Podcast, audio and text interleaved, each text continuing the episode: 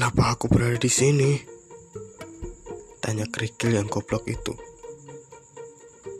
Ia baru saja dilontarkan dari ketapel seorang anak lelaki. Merontokkan beberapa lembar daun mangga, menyerempet ujung ekor balam yang terperanjat, dan sejenak membuat lengkungan yang indah di udara.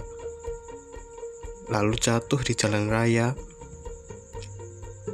tepat ketika ada truk lewat di sana. Kini ia terjepit di sela-sela kembang ban dan malah bertanya kenapa.